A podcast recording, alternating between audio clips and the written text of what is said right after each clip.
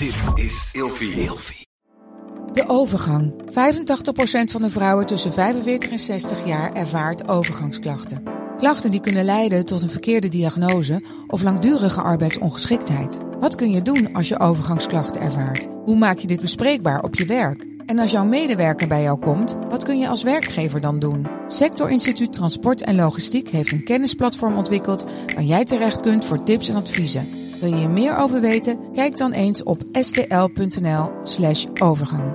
Als je heel streng bent voor jezelf, dan zeg je inderdaad van nou, we gaan een jaar geen contact hebben. Maar dat doet ontzettend veel pijn. En het zou zo mooi zijn als dat ook op een andere manier zou kunnen. Als een soort van fade-out, weet je wel. Net zoals zo'n plaat eh, op de radio van eh, langzaam wordt die zachter.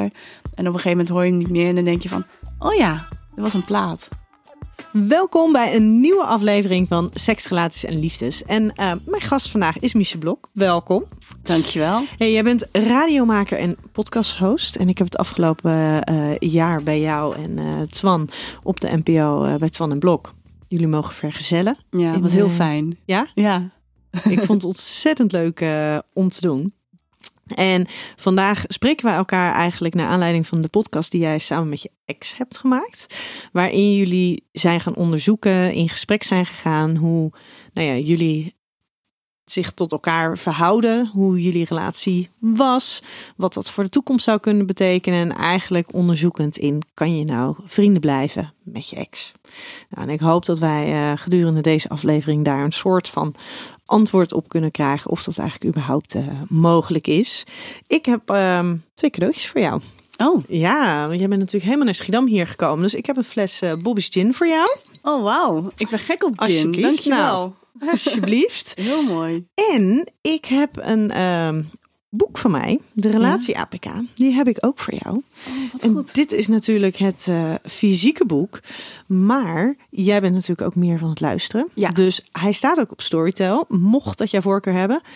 Heeft, heeft dat met boeken ook jouw voorkeur om te luisteren? Zeker. Ja? Zeker. Ik vind het echt... Uh, ja, stom is dat. Dat is... Ik weet niet hoe dat komt. De hersenen zijn toch aan het veranderen of zo. Dat ik vind het heel lastig als ik in mijn gewone ritueel zit van werk en druk om dan ergens te gaan zitten en een boek te pakken. Om daar de rust voor te nemen. Ja, terwijl als ik in de auto zit of ik wandel, vind ik het heerlijk om iets op mijn oren te hebben. Dus ja. Maar of ik moet op vakantie zijn, dan, uh, dan vind ik het heerlijk. Ja, dan ben je onlangs nog geweest, hè? Ja, vakantie tussen twee haakjes. Ja. Want, ik was wel aan het werk, ja.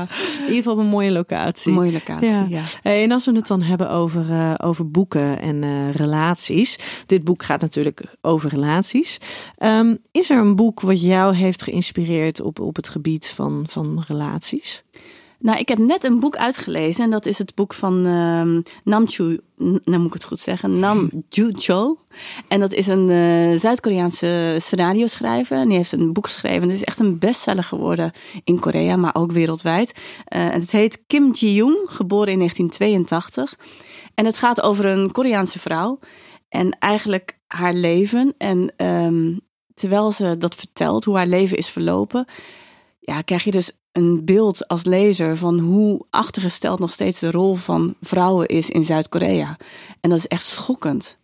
Dan zie je gewoon hoe ver wij in Nederland zijn en hoeveel er nog moet gebeuren in zo'n land als Zuid-Korea ja. om op datzelfde niveau te komen. En maakt dat dan dat het, omdat het, hè, jouw achtergrond is ook uh, Koreaans, maakt dat dan dat het jou daar ex extra in raakt? Ja, omdat je toch heel de tijd uh, nadenkt van Kijk, het was net zo goed mogelijk geweest dat ik in Korea was blijven wonen. Maar ja, door verschillende toevalligheden kom je dan in Nederland terecht.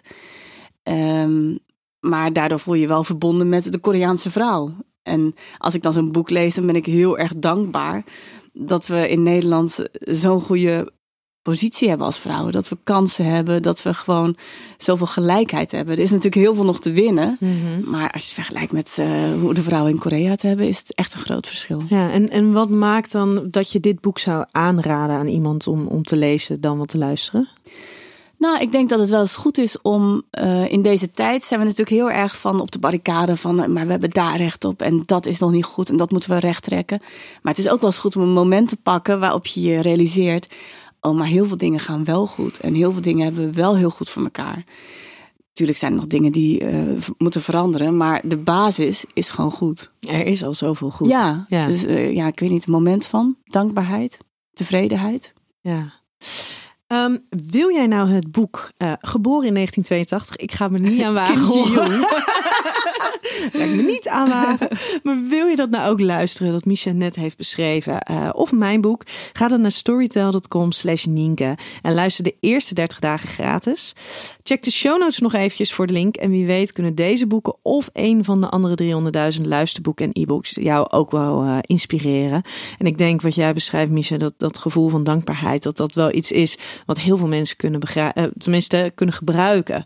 Omdat het zo makkelijk is om voorbij te gaan aan alles wat we al hebben. Ja, omdat we in deze tijd zijn we ons heel bewust hè, van eh, wat er allemaal nog moet gebeuren en ja, wat we nog niet hebben. Dus ja. Ja.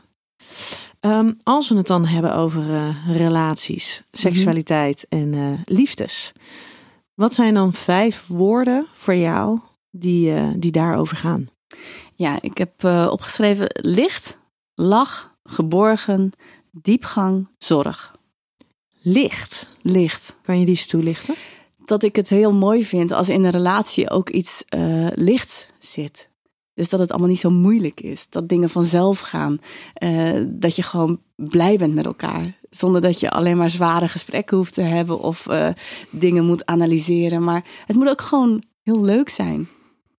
Dus dat bedoel ik eigenlijk met licht. Ja, Ja, en bijna een beetje oppervlakkig kunnen zijn. het Ja. mag ook oppervlakkig soms zijn. En gewoon dat je denkt, ja, het is gewoon heel leuk om bij diegene te zijn. Zo Ja. simpel is het soms. Van, ik heb het ook wel eens met vriendinnen als ze zeggen, ja, maar ik weet niet zeker of hij nou de juiste persoon is. Dan zeg ik, ja, maar vind je het leuk om bij hem te zijn? En ze zegt, ja, ik vind het leuk om bij hem te zijn. Nou, zo simpel is het toch? Ja. Ja, En dat het belang daarvan, hè, dat je gewoon überhaupt het leuk vindt om met de ander te zijn. Dat je de ander een leuk persoon vindt. precies. En dan kunnen er sommige dingen net niet aanwezig zijn, maar dat dat gewoon ook al heel erg belangrijk Ja. is. Ja. Ja. Hey, en dit zijn voor jou belangrijke waarden. We gaan het natuurlijk Mhm. vandaag hebben over eh, vrienden blijven met je ex. Dat betekent dat daar ook een relatie is geweest met, met diegene. Ja, Eh, zijn dit waarden die daarin ook naar voren kwamen? ja, wel alle vijf, ja. Ik denk dat ik sowieso geen relatie heb gehad eigenlijk met mensen die niet die vijf, waarbij niet die vijf bestanddelen in die relatie zaten. Is Ja. er een relatie wel stuk gelopen omdat een van deze vijf er niet bij zat? Nee. Nee. Nee, ik denk dat ik wel heel zorgvuldig selecteer of zo. Ik weet het niet. Jij gaat Een van zo'n relatie checklist. aan voor dat, als je weet dat deze vijf erin zitten. Ja, ja. Nou ben ik ook niet van de, van de hele, van, van de vele relaties of zo. Nee? Dus ik, eh, ik blijf meestal vrij lang bij degene waar ik eh, iets mee heb. Ehm, dus ik denk, kijk, als iemand, als ik bijvoorbeeld met iemand niet kan lachen, als die lach daar niet in zit, ja, dan kan ik sowieso niet op diegene vallen. Dus dat eh, schift zich vanzelf dan Ja, ertussenuit. ja, dus een soort van voorcriteria Ja, überhaupt Ja. al. Ja. Ja. Hey, voordat ik jou eh, de kutkeuzes, hij klinkt zo hard. hij klopt wel en hij is goed, maar in plaats van de dinsdag dilemma's, ja, de kutkeuzes. Voordat ik die aan jou eh, ga voorleggen, ben ik eigenlijk heel erg benieuwd. Want ehm, Jacob en jij hebben samen dus die podcast gemaakt. Mhm. Eh, die is begin dit jaar is die, is die uitgekomen, beschikbaar geworden. En daarin gaan jullie dus continu over, in gesprek over jullie relatie. Jullie halen herinneringen naar voren, jullie eh, voeren gesprekken.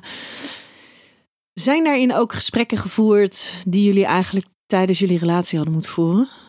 Ja, goede vraag. Ik, eh, ik denk het wel.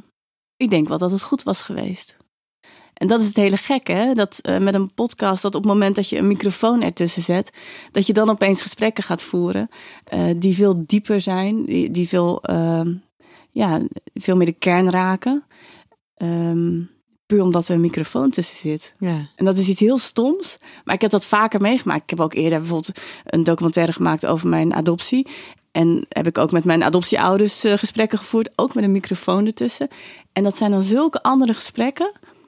Dat is zoiets wonderlijks. Van aan de ene kant ehm, zou je denken, het schept een soort afstand.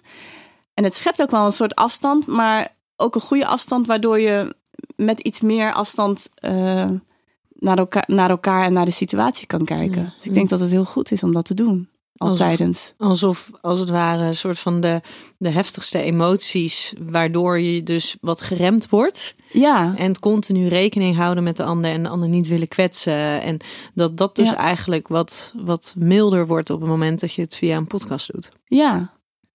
Ja, en je dwingt die ander natuurlijk ook echt om goed te luisteren. En om eh, misschien ook wat eh, redelijker te reageren. Ik Ja. denk dat je, in, eh, dat je zonder microfoon, dat je veel eerder in een soort van eh, vaste patronen valt. eh, en dat je ook veel eerder wegloopt van het gesprek. Ja, eigenlijk ga je veel beter communiceren. Ja, Dus je, het zou voor iedere relatie goed zijn. Begin een podcast. Ja, Ja, maar dat is eigenlijk net natuurlijk een beetje als met therapie. In therapie Ja. worden ineens hele andere gesprekken gevoerd. Omdat Ja. men niet kan weglopen. Men kan niet schreeuwen. Men wordt af en toe gecorrigeerd. Dus ineens moeten ze veel beter communiceren dan dat ze thuis doen. ja, Of überhaupt communiceren met elkaar. ja. Ja. Heb je het wel eens geadviseerd aan, eh, aan cliënten van ga een podcast beginnen? Nee, dat niet, dat niet. Maar misschien moet ik het dus in gedachten houden. Maar Ja. het is inderdaad in principe natuurlijk hetzelfde mechanisme. Ja, En eigenlijk komt het denk ik inderdaad neer op het stukje... je gaat überhaupt communiceren met elkaar. dat is het. En je bent aan het luisteren naar wat de ander zegt, in plaats al Ja. aan het bedenken wat jij zelf gaat zeggen. Ja, want in het normale leven, ik bedoel, hoe vaak ga je nou echt zitten? Van we gaan een uur met elkaar praten. Nee, dan zijn er altijd de tien dingen die je moet doen of eh, afspraken. Ja, en gesprekken komen dan ineens op het moment dat er een conflict is geweest, dat er Ja. aanleiding voor is geweest. En dan heb je natuurlijk sowieso al emoties, heb je sowieso al een bepaalde eh, insteek, instelling die je hebt.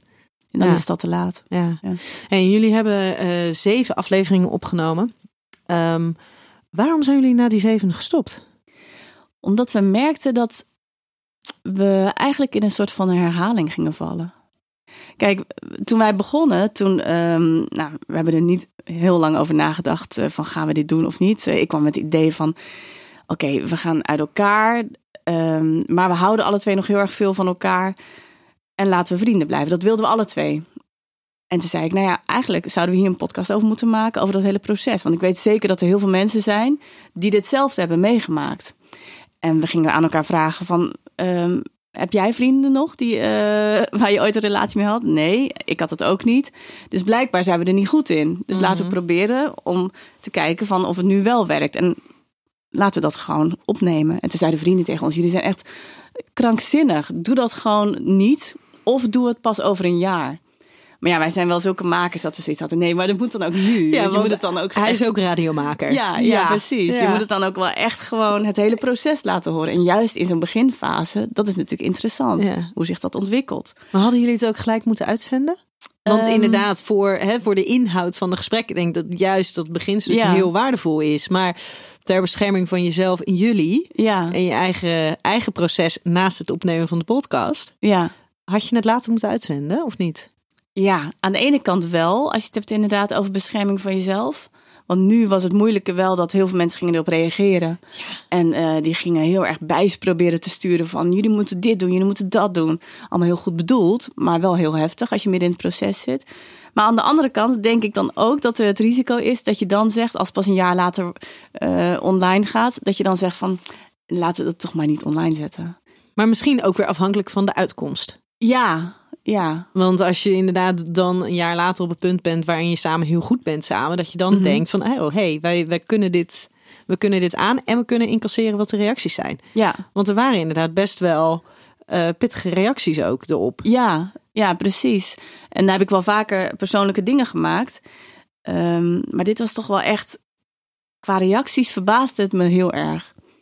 Dat ik had wel verwacht dat mensen zouden reageren van jeetje, wat, eh, wat is het heftig. Of dit heb ik ook meegemaakt. Die mensen waren er. Van, eh, blijkbaar Nederland zit echt vol met mensen die eh, vrienden hadden willen blijven met hun ex.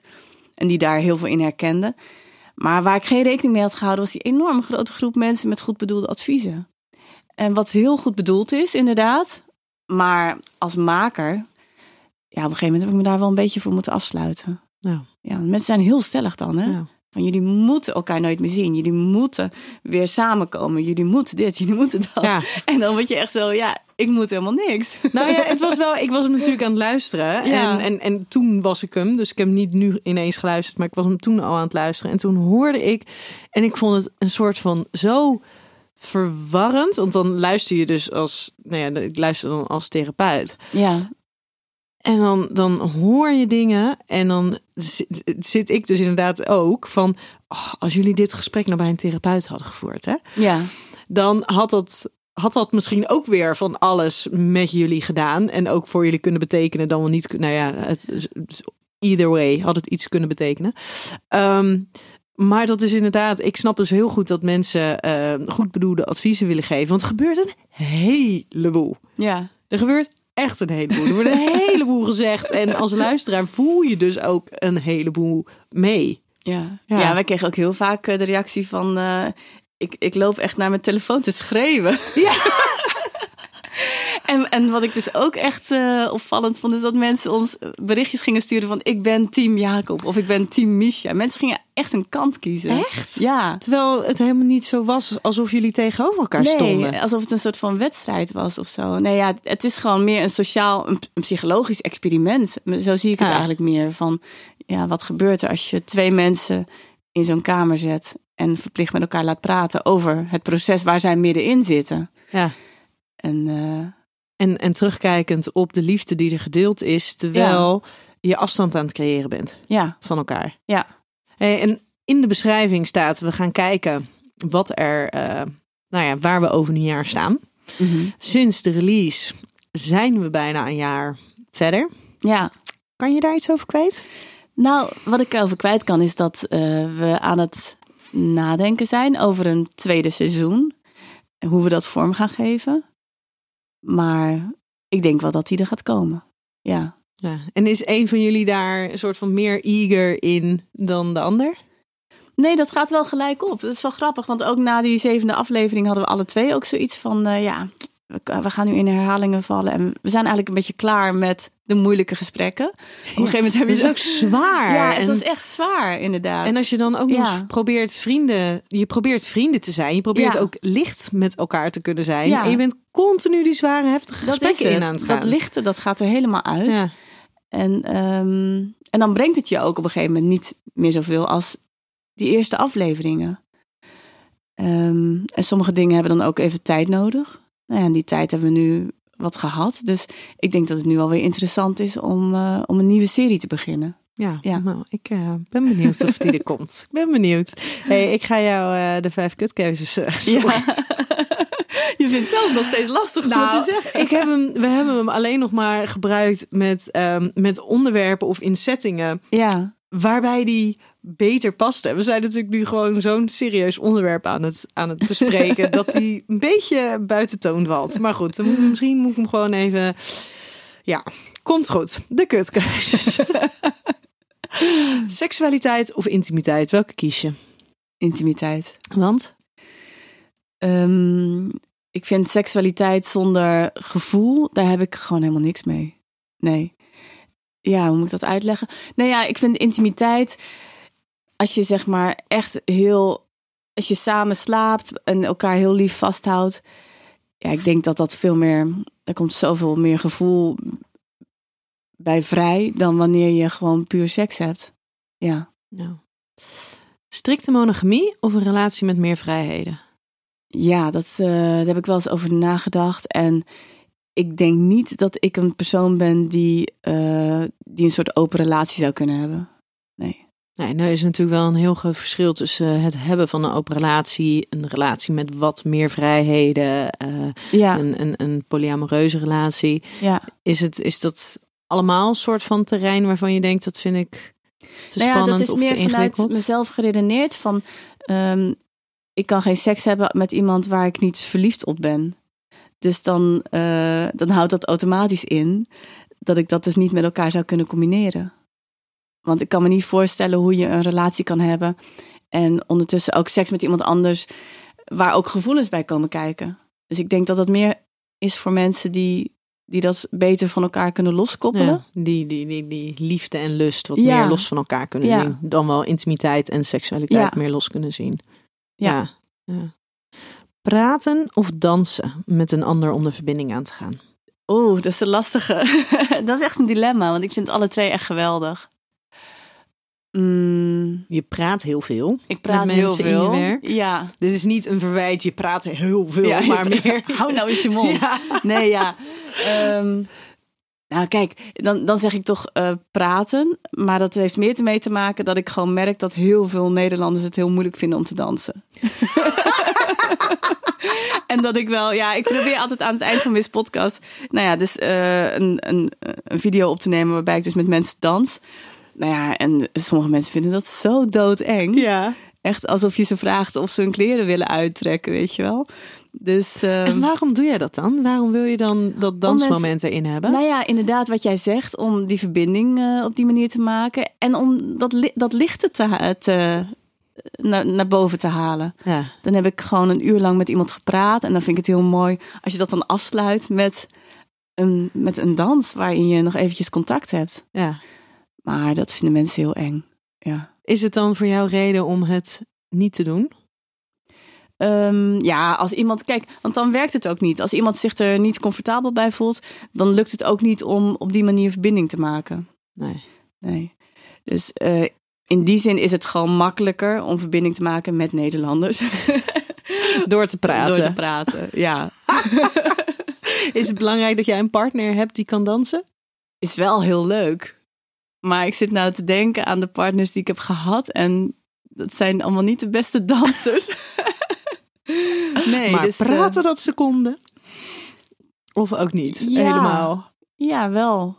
Ik moet wel met iemand een, eh, een gesprek kunnen voeren wat ook de diepte ingaat, ja. Nee, dat lijkt me heel lastig om met iemand te zijn waarbij je het echt alleen maar over koetjes en kalfjes kan hebben. Schaamte verbergen of kwetsbaarheid tonen? Oh, kwetsbaarheid tonen. Ja? Ja. Ja, dat is eh, een van mijn heldinnen is echt eh Brene Brown. Ah ja. Toch? De Ja. kracht van kwetsbaarheid. Ik vind het altijd heel moeilijk om om te gaan met mensen die hun kwetsbaarheid verbergen onder een soort van laag van bravoure. Mhm. Want dan moet je daar eerst doorheen breken om echt contact te maken met die mensen. Eh, ik maak altijd heel goed contact met mensen die ook die kwetsbaarheid durven te tonen. En ik merk ook in mijn werk ook dat op het moment dat je die kwetsbaarheid toont, dan krijg je ook de meest pure en mooie reacties. Ja. Ja. En als je dat dan weer eventjes ehm, eh, nou ja, terugkoppelt naar jouw relatie met Korea. Want mijn beeld bij Korea, maar dat is een vrij beperkt beeld, ehm, is dat niet iets waar kwetsbaarheid echt hoog nou ja, op het vaandel staat. Mhm. Om het zo maar even te zeggen. Ja, klopt. Ehm, hoe, hoe ga jij daarmee om? Of hoe zie jij dat dan? Ehm, Of denk jij inderdaad van nou datgene wat Brene vertelt, Brene Brown vertelt, dat is inderdaad dat is honderd bruggen te ver voor mensen die in Korea wonen. ik denk dat daar nog wel een enorme ontwikkeling eh, in zou moeten gebeuren. Ja, kijk, in Korea heb je heel erg dat je ehm, je moet de schijn hoog houden en je moet heel erg je voordoen als ik ben geslaagd. Dus daar is geen ruimte voor kwetsbaarheid. Nee, als ik met mijn Koreaanse vader ben, dan eh, ja, mijn Koreaanse vader zal niet tegen mij zeggen van, oh, ik zit in een moeilijke periode eventjes van mijn leven of zo, of ik worstel ergens mee. Nee, dat zal hij niet doen. Maar dat maakt wel dat het veel moeilijker echt contact maken is met, met die mensen. Ja. Ja. Is, het, is het voor hem dan makkelijk, als het ware, dat jij ehm, succesvol bent? Ja, dat denk ik wel. Belangrijk. Maar ja, wat is succesvol? Ja, Nou ja, maar in, waarschijnlijk dan in zijn beleving. Hè? Je bent te zien op radio, op tv, ehm, je bent te horen, je hebt een bereik. Mhm. Je hebt iets bereikt. ja. En ik kan me zeker voorstellen dat vanuit zijn perspectief dat dat er zo uitziet. Ongeacht of je dat zelf vindt of zo beoordeelt. Ja. ja, ik moet nu denken inderdaad aan, eh, aan een moment waarop mijn vader, eh, toen ik volgens mij hem de eerste keer ontmoette, en toen hadden we een paar ontmoetingen, en dat op een gegeven moment vroeg hij, mag ik jouw visitekaartje? Nou, toen had ik een visitekaartje, nou, er stond op verslaggever één vandaag, weet je wel. En hij kon het helemaal niet lezen, want het was gewoon in het Nederlands. Maar hij pakte dat vast en hij keek ernaar en hij aaide dat kaartje. Dat ik Ja, echt dat zijn, zijn biologische dochter had een visitekaartje. Precies, die heeft een visitekaartje bij een, echt, eh, bij een echte omroep, een nationale omroep. Nou, en ja, dat is dan blijkbaar zo belangrijk. Terwijl, ja, dat is zo anders, denk ik, in Ja. Nederland, toch? Ja. vrienden met je ex zijn of een waardevolle herinnering hebben aan de relatie? Vrienden zijn. Ja? Ja, ik denk, nou ja, kijk, het is een beetje een flauwe, maar om, je, je kan geen vrienden met je ex zijn op het moment dat je geen waardevolle herinnering hebt aan die relatie. En dat is wel een van de, nou ja, van de inzichten die ik heel erg heb gekregen het afgelopen jaar, is dat Esther Perel is natuurlijk ook zo'n andere Mhm. heldin, hè? Eh, dat zij ook zei van ja, het is zo belangrijk in je verwerking van een relatie en in de verwerking van liefdesverdriet, dat je alle twee erkent van het was er en het was mooi. En op het moment dat een van de twee dat niet erkent, ja, ik denk dat het dan heel moeilijk is om Ja. vrienden te blijven. Want dan, Dat doet gewoon pijn. ja, Ja. dan blijft dat pijn doen. En dan zal je ook nooit elkaar volledig begrijpen.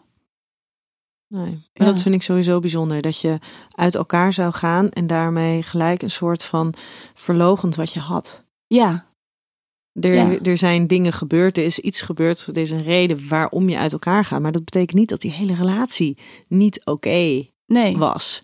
En dat dat ook echt wel erkend mag worden. Ook op het moment dat er nieuwe partners in beeld komen.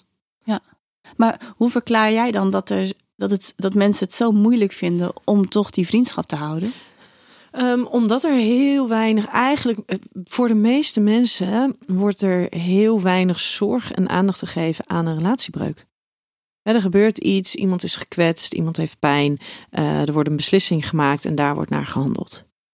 Sommige situaties heb je natuurlijk nog dat je langere tijd bijvoorbeeld bij elkaar in huis zit. Maar dan wordt er eigenlijk zelden met bewuste, liefdevolle aandacht met die periode omgegaan. Er wordt vaak worden escaleren dingen veel meer. Worden mensen veel egoïstischer. eh, ze gaan veel meer hun eigen ruimte claimen ten koste van de ander. Dus dat gaat eigenlijk ten koste van datgene wat er nog kan zijn. En daarin zit denk ik een heel groot verschil tussen degene die vrienden kunnen blijven of vrienden zijn en waarbij dat dus gewoon niet lukt, is hoe ga je om met dat afscheid? En op het moment dat daar eigenlijk al, bijvoorbeeld, dat zie je natuurlijk ook in, in langdurige relaties, dat daar al een hele andere verhouding is ontstaan. En dat je nauwelijks nog liefdespartners bent, maar dat je gewoon echt, echt maatjes bent zonder dat romantische aspect erin. Daarin zie je dat mensen bijvoorbeeld eigenlijk al een paar jaar heel zorgvuldig afstand aan het nemen zijn van elkaar op het liefdesgebied, op het romantische liefdesgebied, maar wel met hele liefdevolle bewuste aandacht voor elkaar hebben gezorgd als mens. En dat dan de overstap naar hé, hey, wij gaan uit elkaar, maar we kunnen nog wel vrienden blijven, dat die veel kleiner is, omdat dat eigenlijk is wat je al die tijd daarvoor ook al hebt gedaan. Ja. ja, dus dan hoef je nog niet echt een nieuwe vorm te Nee, zoeken. Dat is eigenlijk is dat natuurlijk voor, voor heel veel mensen ehm, is dat al de vorm waar de relatie in gegoten is. Ja. In eentje van hele dierbare vrienden zijn. Ja. ja, dat klinkt heel logisch inderdaad. Ja. En dan is het dus heel zonde ehm, dat, dat er dus zoveel mensen eigenlijk zo hun relatiebreuk verwaarlozen. Ja. En het is enigszins ook wel logisch, want als je gekwetst bent, ja, dan ga je geen, heb je helemaal geen zin om compassie te hebben voor de ander, om empathie te hebben voor de ander, om continu maar ruimte ehm, over te, eh, of te geven aan de ander. Nee, dan ben je gewoon egoïstisch, dan heb je verdriet, en dan ben je boos en dan wil je gelijk halen en dan wil je er als beste uit de strijd komen. Ja, Ja, en dat zijn natuurlijk niet echt de beste voorwaarden om een vriendschap te starten. nee. Nee, ja, klopt. En ik ben dan wel benieuwd, eh, terwijl jij luisterde, wat was dan iets wat jij naar je telefoon schreeuwde?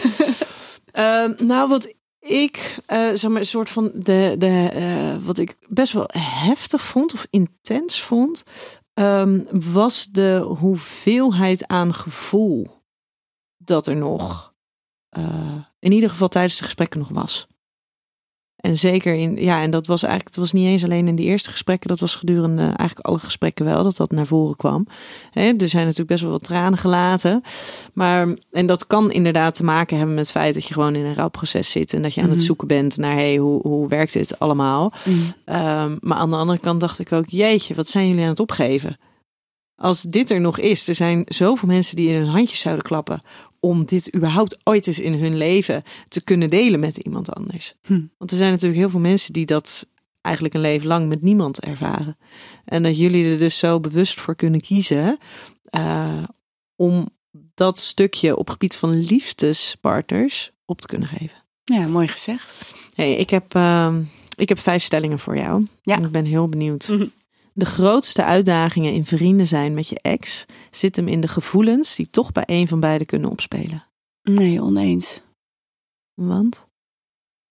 Ik denk dat, ehm, dat het vooral is dat je elkaar echt alles gunt.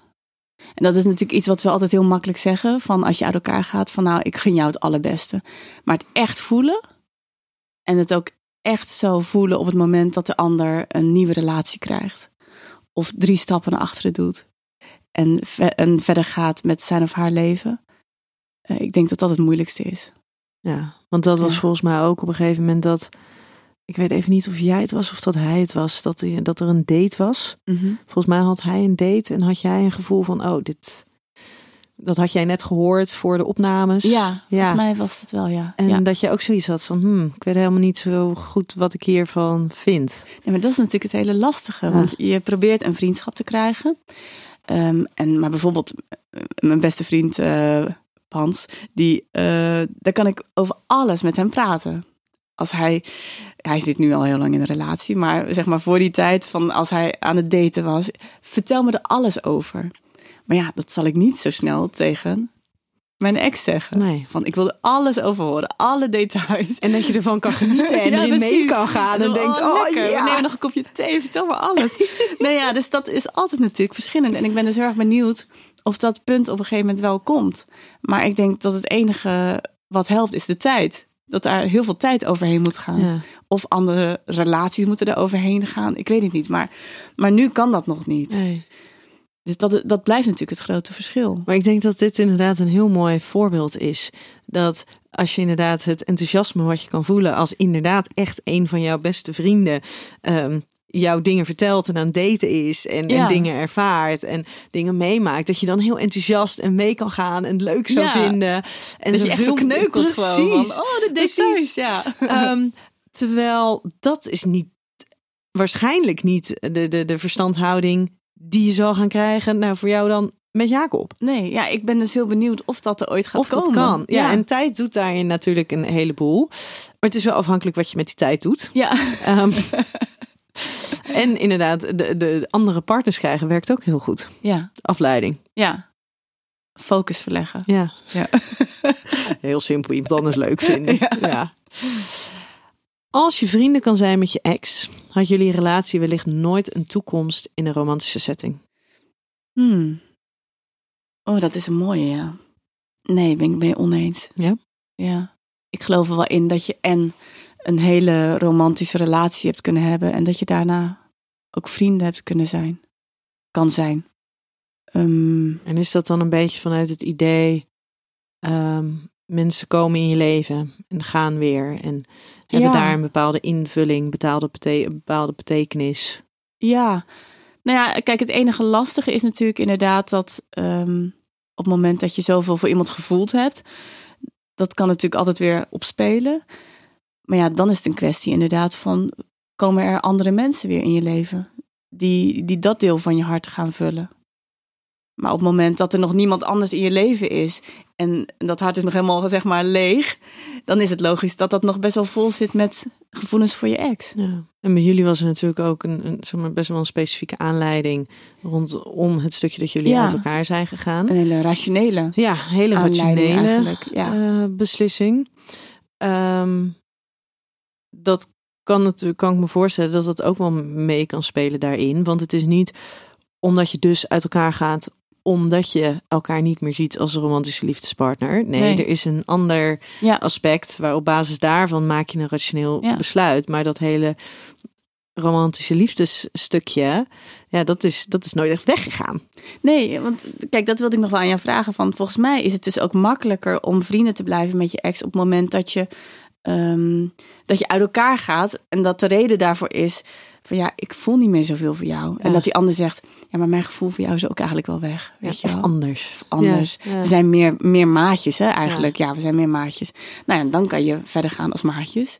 Maar op het moment dat je uit elkaar gaat en, eh, en je voelt nog heel veel voor elkaar, ja, dan zal je gevoel eerst nog moeten afnemen. Maar hoe neemt dat gevoel af? Hoe Ja. doe je dat? Ja, dat is een hele Help. goede vraag. Maar dat was een beetje wat ik continu voelde. Dus toen ik aan het luisteren was, Ja. dat ik dacht, ja, maar ik, ik voel nog zoveel. Het is hartstikke leuk dat jullie op een basis van een rationeel iets deze beslissing hebben gemaakt. Ja.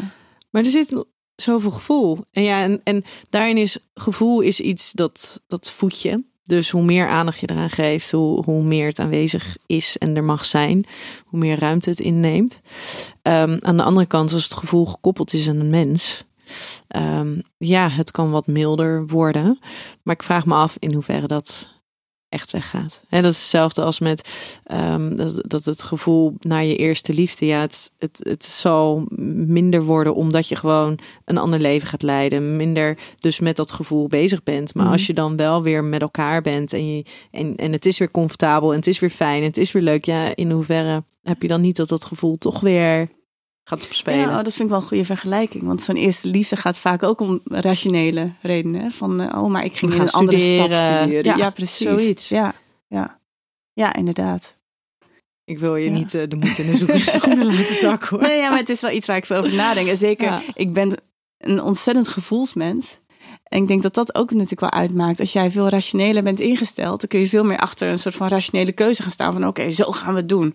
En ik parkeer dat gevoel, hoppakee, daar en ik ga verder. Ja. Ja. ja, maar als je, een, als je een gevoelsmens bent, ja, dan is het gewoon stukken ingewikkelder. Ja. ja. Zeker. Dingen die binnen een relatie niet werken, kunnen ineens geen obstakel meer vormen binnen een vriendschap. Oh, ik denk juist andersom. Dat ehm, als iets niet werkt in een relatie, dat je dan tijdens een vriendschap het helemaal niet kan hebben. Nee? Omdat je, omdat je minder credits hebt, op, hebt of zo, Ja. minder basis. Dus dan accepteer je het misschien minder. Ik zit even te denken aan een voorbeeld. nee, ja, omdat je natuurlijk, ehm, als je relatie hebt, dan ben je veel, ehm, dan geef je die ander toch iets meer credit. En ben je misschien wat meer vertroebeld qua beeld. Je denkt, gewoon ja, je roze bril eh, ja, op hebt. dan- tenminste, zo ben ik dan wel in een relatie. Ik denk van ja, oké, misschien is dat iets minder leuk. Maar ja, ik vind hem heel leuk. Dus ja, dat hoort er ook bij, hoe die is. Ja. Ja. En als die roze bril dan afgaat, denk je van... Jeetje, waar- waarom? Waarom doet hij zo? Terwijl ik me ook kan voorstellen dat als er dingen zijn waar je dus in de relatie dan tegenaan loopt. Juist omdat er met een vriendschap toch wat meer afstand is. Alleen al dat je bijvoorbeeld niet samenwoont, dus er niet dagelijks mee geconfronteerd wordt. Eh, dat het dan minder een probleem wordt. Ja, ik zit te denken, eh, zoals met die hele goede vriend van mij. Nou, dan hebben we heel vaak de vraag gehad van waarom hebben jullie geen relatie? Jullie zijn zo leuk samen. En eh, dan denk ik van ja, nee, dat zou echt totaal niet werken. Daar heb ik wel bij van dingen die ik echt heel leuk vind van hem als goede vriend. Dat ik denk van, oh, als partner zou ik me helemaal, zou ik helemaal gek worden van hem. Ja. Maar voor de rest ben je gek op hem. Ja. Een liefdevolle relatie met eh, iemand als ex is waardevoller dan een relatie met diegene waarin er strubbelingen zijn. Ja, dat denk ik wel. Ik vind de combinatie van relatie en strubbelingen vind ik eh, geen goeie. Nee, ja, ik vind de relatie hoort, hoort wel gewoon vanzelf te gaan en ehm, niet altijd moeilijk te zijn. En ik vind ook de combinatie proberen en je hard je best doen in combinatie met relatie vind ik ook geen goede combi. Nee. En er zullen wel periodes, er zijn altijd periodes. Ja, tuurlijk. En dat maakt het ook weer mooi dat het een dynamisch iets is. Maar strubbelingen vind ik heel eh, negatief en zwaar klinken. Ja. Het eerste jaar na een relatiebreuk moet je elkaar eigenlijk de ruimte geven om te helen. Anders kom je nooit helemaal van elkaar los. Dat is het grote dilemma. Ja. En dat heeft heel erg ermee te maken van ehm, hoe streng ben je voor jezelf. Kijk, als ik. Als je heel streng bent voor jezelf, dan zeg je inderdaad van nou, we gaan een jaar geen contact hebben. Maar dat doet ontzettend veel pijn. En dan ga je echt enorm de, ehm, de pijn en het alleen zijn in. En het zou zo mooi zijn als dat ook op een andere manier zou kunnen. Als een soort Mhm. van fade-out, weet je wel. Net zoals zo'n plaat eh, op de radio van eh, langzaam wordt die zachter. En op een gegeven moment hoor je hem niet meer en dan denk je van... Oh ja, er was een plaat. Dat lijkt me wel een mooie manier. Maar ik weet dus niet of dat kan. Ja, en helemaal, dat is natuurlijk bij, bij jullie dus ook zo, als jullie elkaar dus wat eerst wat ruimte hadden gegeven, dat zou dan een rationeel besluit zijn geweest. Want op basis van het gevoel wil je dat natuurlijk niet. Mhm. Dan had je misschien dus inderdaad wel dat, dat romantische gevoel, dat houden van, had wel misschien wat milder kunnen gaan worden. Iets minder aandacht gaan vragen. Ja. En wat ik me zo kan voorstellen is in die gesprekken die jullie hebben gevoerd voor, eh, voor de podcast, is dat het is, gaat enorm over intimiteit, verbinding, kwetsbaarheid. Ja. Dus dan als je het hebt over het voeden van gevoel, ja, daar ben je, daar ben je lekker mee bezig dan. Maar dan hebben we eigenlijk precies het verkeerde gedaan. Nou ja, dat, dat is natuurlijk een beetje, dat, dat weet je niet. Want het is iets wat jullie als programmamakers hebben bedacht. Ja. Van hé, hey, laten we dit eens gaan proberen. Want we zijn niet de enige die hier in deze situatie zitten. Uh, dus ik weet niet of jullie het verkeerde hebben gedaan. Ja. Maar ik denk wel dat het heel uitdagend is voor jullie. Ja, want weet je waar ik dan ook bang voor was? Kijk, dat vind ik een van de pijnlijkste dingen. Dat op het moment dat je een relatie met iemand hebt gehad en het was heel mooi en uh, dat klopte helemaal qua gevoel. En dan spreek je bijvoorbeeld af van nou, we gaan elkaar een jaar niet zien. En dan heb je van die situaties dat je elkaar bijvoorbeeld tegenkomt op straat. Nou, wij zijn qua werk ook heel erg verbonden. Dus ik kan hem proberen te ontlopen, maar ik kom hem toch vijf keer tegen uh, op mijn werk. Maar goed, dan kom je elkaar tegen en na dat jaar bijvoorbeeld op straat. En die ongemakkelijkheid, nou, die, daar word ik zo verdrietig van. Dat vind ik een van de verdrietigste dingen. Dat je iets heel moois met iemand hebt gehad. En dan kom je diegene tegen en dan is diegene als een vreemde voor je. En dan ja. weet je opeens niet hoe je je moet gedragen naar elkaar toe. En misschien hebben we dat wel alle twee ook voor ogen gehad van als een soort van schrikbeeld. Dat willen we voorkomen. Ja, ja, we willen nooit als een soort van ongemakkelijke vreemde tegenover elkaar staan. Ja. Maar wat is dan de juiste mate van uh, intensiteit in, in het contact onderhouden? Geen idee. Ja. nee, ja, ik wou dat er een handleiding voor was. Ja. Um, als, als je nu op dit moment de beslissing zou maken. Hè, je zou nu dus zeg maar een, een, een, een jaar terug in de tijd uh, uh, zijn. Mhm. Zou je er nu nog steeds voor kiezen om die podcast te maken? Op deze manier? Ja. Ja, hoef ik niet over te twijfelen. Zou je andere dingen besproken hebben? Nee. Nee. Nee, want de gesprekken die we hebben gevoerd, uh, dat waren echt oprecht ook de gesprekken die ik op dat moment wilde voeren. En die mij ook uh, ja, toch wel inzicht hebben gegeven waar ik op dat moment mee verder kon. Ja. Wat, wat heeft het je gebracht verder? Of wat heeft het jullie gebracht? Heeft het jullie misschien andere dingen gebracht per persoon? Ja, het brengt je dat je de ander nog beter gaat begrijpen. Dat je je eigen pijn analyseert. Het heeft mij in het algemeen meer kennis gegeven over ja, hoe werkt, hoe werkt zo'n breuk. Um, en ook een soort van troostende gedachte van we zijn hier niet alleen in. Er zijn heel veel mensen die met liefdesverdriet kampen, of die uit elkaar gaan, of die vrienden willen blijven en niet weten hoe. Um, en dat vond ik wel een hele, hele mooie gedachte. Ja. En wat heeft het jullie gekost? Nou, een, een stukje privacy. een stukje Goh. privacy naar, naar, ons toe, ja. nou ja, dat is... Uh, ja, je gaat natuurlijk wel echt... Hoppakee, je slingert uh, je hele hebben en houden de wereld in. En mensen vinden daar wat van. Ja. Maar ja, uiteindelijk heeft het me ook wel weer krachtiger gemaakt. En niet zwakker. hey, we gaan hem uh, afronden. Dankjewel dat jij uh, hier vandaag wilde zijn. Ik ben ontzettend benieuwd uh, of er een tweede seizoen komt en wat daar het verloop in gaat zijn. Ik denk in ieder geval dat het onwijs knap is dat jullie allebei daarin zo, zo ontzettend kwetsbaar kunnen opstellen. En ik kan me voorstellen dat als er een tweede seizoen komt, dat het dan natuurlijk ook alweer anders is, omdat de emoties gewoon anders zijn en de situatie is anders. Ja, ja. ja dank jij wel. Want uh, ik, vond, ik was dus heel benieuwd inderdaad om jouw dingen te horen. Ja. En ik heb ook alweer goede, goede dingen gehoord waar ik over ga nadenken. Nou, daar ben ik blij mee. Ja. En uh, mocht jij nou als luisteraar van deze podcast het boek dat Misha heeft gelezen, um, geboren in 1982, van... ja, nee, ja, nee het, uh, officieel is de titel oh. Kim, Kim Ji-yoon. Ja. Geboren in 1982. Ah. Van Nam Yu Cho. Oké. dat dus. Dat dus. Wil je nou dat boek lezen, omdat jij ook op zoek bent naar dat gevoel van dankbaarheid? Um, of zou je mijn boek willen luisteren? Dat kan dan nu de eerste 30 dagen gratis via storytel.com slash Nienke of check de show notes even. Lieve luisteraar, tot volgende week bij een nieuwe aflevering van Seks, Relaties en Liefdes.